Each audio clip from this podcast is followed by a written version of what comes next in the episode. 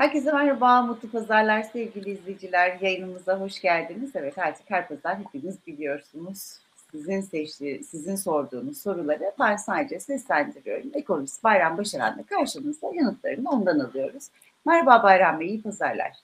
Merhaba Ebru Hanım, iyi pazarlar. Evet o zaman e, Yılmaz Aydoğan'la başlayalım ilk izleyicimizle. E, Bayram Bey'e pazar sorusudur diyor. E, seçimlerden sonra olası hükümet değişikliğinde enflasyonla mücadelede haklı olarak eleştirilen TÜİK'in açıklanan rakamları üzerinden mi yoksa enflasyon verisini en akın tespitine göre önce gerçek seviyesine çıkarıp o rakam üzerinden mi yapmaları gerekir diyor. Teşekkür etmiş Yılmaz Bey.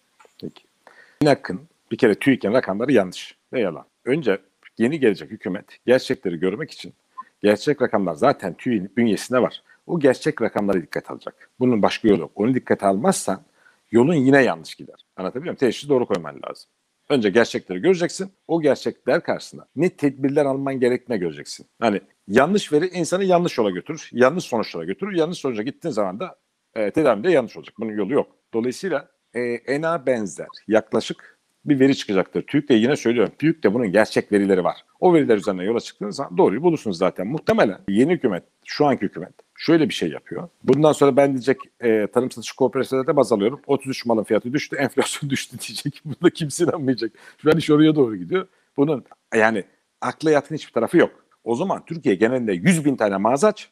İnsanların yüzde 80'i 90'ı oradan alışveriş yapsın o zaman onu baz alırsın. Ama şu an bunu baz alamazsın. Gerçekten yaparlar mı bunu? Ya yapacaklar zaten. Onun için bunu yapıyorlar. Yapacaklar ya başka şey yok. Çünkü kılıf arıyorlar ya. Enflasyon açıklanan enflasyon rakamının düşük olduğunu kanıtlamak için kılıf arıyorlar. Ama o kılıf tutmuyor. Üzgünüm ama tutmuyor yani. Evet. Ülkenin gerçekten uzak. Ülkedeki ta, e, tarım satış kooperatiflerinin perakende sektöründeki payı yüzde bir bile değil. Nasıl onu baz alacağız? Evet.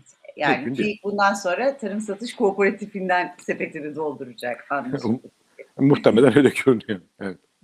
Peki e, Öykü Nikola, e, Bayram Bey Eurobond hakkında düşünceniz nedir diye soruyor. Valla Eurobond şu an en akıllı yatırım. Hem üzerine hem paranız Euro'da veya dolarda kalıyor. Devlet iş borçlanmasına garantisi de var. Hele bunu yabancı bankalar üzerinde alırsanız çok daha büyük garantisi var. Dolayısıyla Eurobond çok karlı bir iş. Ekonomi için zararlı? Evet zararlı ama hazine çıkardığı zaman hiç olmazsa Türk vatandaşları alsın. Onun için çok avantajlı. Kuru korumadan daha avantajlı Eurobondlar. Daha tehlikeli ama daha avantajlı. Daha tehlikeli derken alan için değil, ülke için daha sıkıntılı, daha tehlikeli ama alan için de son derece karlı. Evet. Öykü Hanım'a e, yanıtımız olsun. Peki Barış İşgören, her şey tepe taklaksa, ekonomi bayır aşağı gidiyorsa dolar nasıl oluyor da halen 18'in altında veya civarında durabiliyor diye soruyor Barış Bey. Barış Bey e, bir daha anlatalım. Şimdi böyle sorduğu soruyu e, belli ki Barış Bey gibi anlamayan da var.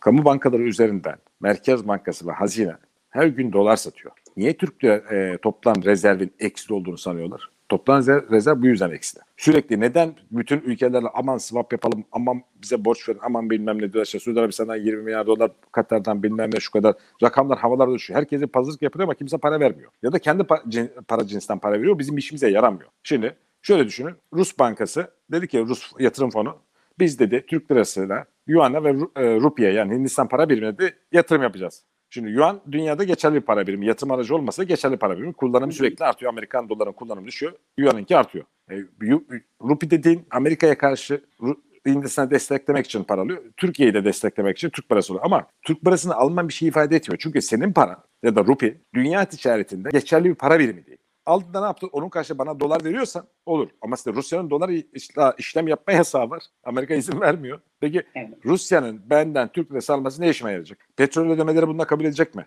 Doğalgaz alımlarımı kabul edecek mi? Evet. E ondan sonra oradan yaptığım kimyasal ham maddelerin bedellerini bununla ödemeye kabul edecek mi? Gıda maddeleri yani buğday, işte ayçiçeği vesaire alıyoruz. Onların ödemelerini bana ben Türk lirası aldığım zaman bana karşılığında bir şey vermesi lazım. Ne verecek? Ruble verecek benim ruble ödememi yapmamı kabul edecek mi? Ondan sonra turistlerin cebine koyacak Türkler, Türk lirası e, turistler döviz getirmeyecek, ona gelecek turistler, Rus turistler Türkiye'de Türk lirası olarak kalacaklar. Nasıl olacak şimdi? Anlatabiliyor muyum? Şimdi senin paranın rezerv para haline gelmesi lazım. Bunu Çin'in, Rusya'nın, Hindistan'ın, Avrupa'daki bir kısım ülkelerin, Kore'nin, en azından Amerika olmasa bunları kabul ederlerse o zaman senin paran ticarette kullanılmaya başlar. O zaman bir mantığı vardır. Ama evet. şu an için bunun bizim rezervlerimize vesairemize bir katkısı yok. Yine söylüyorum. Şu an Rusya dolarla işlem yapamıyor. Bu çok önemli. Bize onun için Türk lirası karşısında dolar veremiyor. Altın olur mu olur. Peki Rusya Türkiye ile nasıl bir anlaşma yapacak da Türk lirasını alacak? Nasıl bir anlaşma yapacak? Bunun bedeli var da. Durup dururken adam niye yatırım yapsın? Ne yapacaksın? Altın mı depolayacaksın? Ne yapacaksın? Bir şey vermen lazım. Dolayısıyla havada uçuşan şeyler. Evet. Peki e, bir diğer izleyicimiz Hakem. Azalan işsizlik değil istihdam saat 12 ile 16 arası dışarıda bir dolaşın her yer. Araçlar çok aşırı kalabalık. Yani çalışan kesim değil bunlar. Normalde bu saatlerde sokağın taşıtların böyle yoğun olmaması gerekir diyor izleyicimiz. E, iki gün önce doğru söylüyor aslında. Kalmıştı, ona izin verdim. Evet doğru söylüyor. Ee, İslam azalıyor şu an maalesef. Önümüzdeki günlerde azalmaya devam edecek. Bunu özellikle son dönemde göreceğiz. Son dönem dedim son çeyrekte e, bunun etkilerini görmeye başlayacağız. Çünkü ekonomide daralma, Avrupa'daki resesyon ekonomide daralmaya sebep olacak vesaire. Türk lirası, Türk, e, Türkiye ekonomisi Türk lirası bazında büyüyebilir. Ama büyüme hızı son derece düşer. Ama bilançoyu, Türkiye'nin e, ödemeler dengesi bilançosunu büyüme bilançosunu vesairesini dolar bazında hesapladığınız zaman zaten negatif, negatife dönmüş durumdayız. Zaten büyümüyoruz. Enflasyonları indirgersen zaten büyümüyorsun. Enflasyonda düştüğün zaman zaten büyümüyorsun. İşte bu Avrupa'nın Türkiye'den satın alacağı malların giderek azalması, iç tüketimin daralması. Çünkü ilk defa iç tüketim %5.5 daralmış o dün açıklandı bu rakam. İç tüketim bu devletin gelirlerinin önemli şekilde azalacağı demek. KDM ve ÖTV'lerde çok ciddi düşüş olacağı demek. Bakalım bu açığı nasıl kapatacaklar? Zaten nakit açıkları vardı. Buradan gelen %5,5 açığı nasıl kapatacaklar hep beraber göreceğiz. Bu daha da sıkıntı. O zaman ya devlet daha büyük borçlanmaya gidecek ya daha fazla para basacak. Bu da enflasyon demek zaten. Hiçbir şey yok yani. Evet. Anlatabiliyor muyum? Dolayısıyla iş Türkiye'de istihdam azalıyor. Azalma hızı biraz daha artacak gibi görünüyor. Umarım artmaz. Ama Türkiye'de işten, iş bulmaktan umudunu kesen insan sayısı o kadar çok fazla ki işsizlik bu nedenle düşüyor. İnsanlar iş bulduğu için işsizlik düşmüyor. Artık başvuruları kesiyor insanlar. Anlatabiliyor muyum? Başvuruları kestiğin zaman sen otomatik olarak düşüyorsun. işsizler sınıfından düşüyorsun. Ne ediyor? Belirsiz vatandaş haline geliyorsun. İşte onun için sokaklar kalabalık zaten. Bu yorum da doğru. Maalesef sıkıntı büyüyor. Umarım önümüzdeki günlerde bir çare bulunur.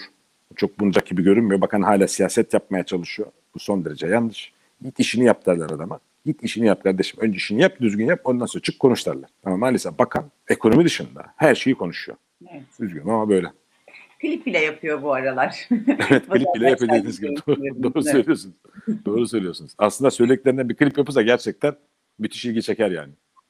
Evet. Peki, çok teşekkür ediyorum hem size hem de e, değerli sorularıyla, görüşleriyle bize katılan izleyicilerimize. Pazartesi haftanın ilk iş gününde görüşmek dileğiyle. Hoşçakalın, iyi pazarlar. Hoşçakalın, iyi pazarlar.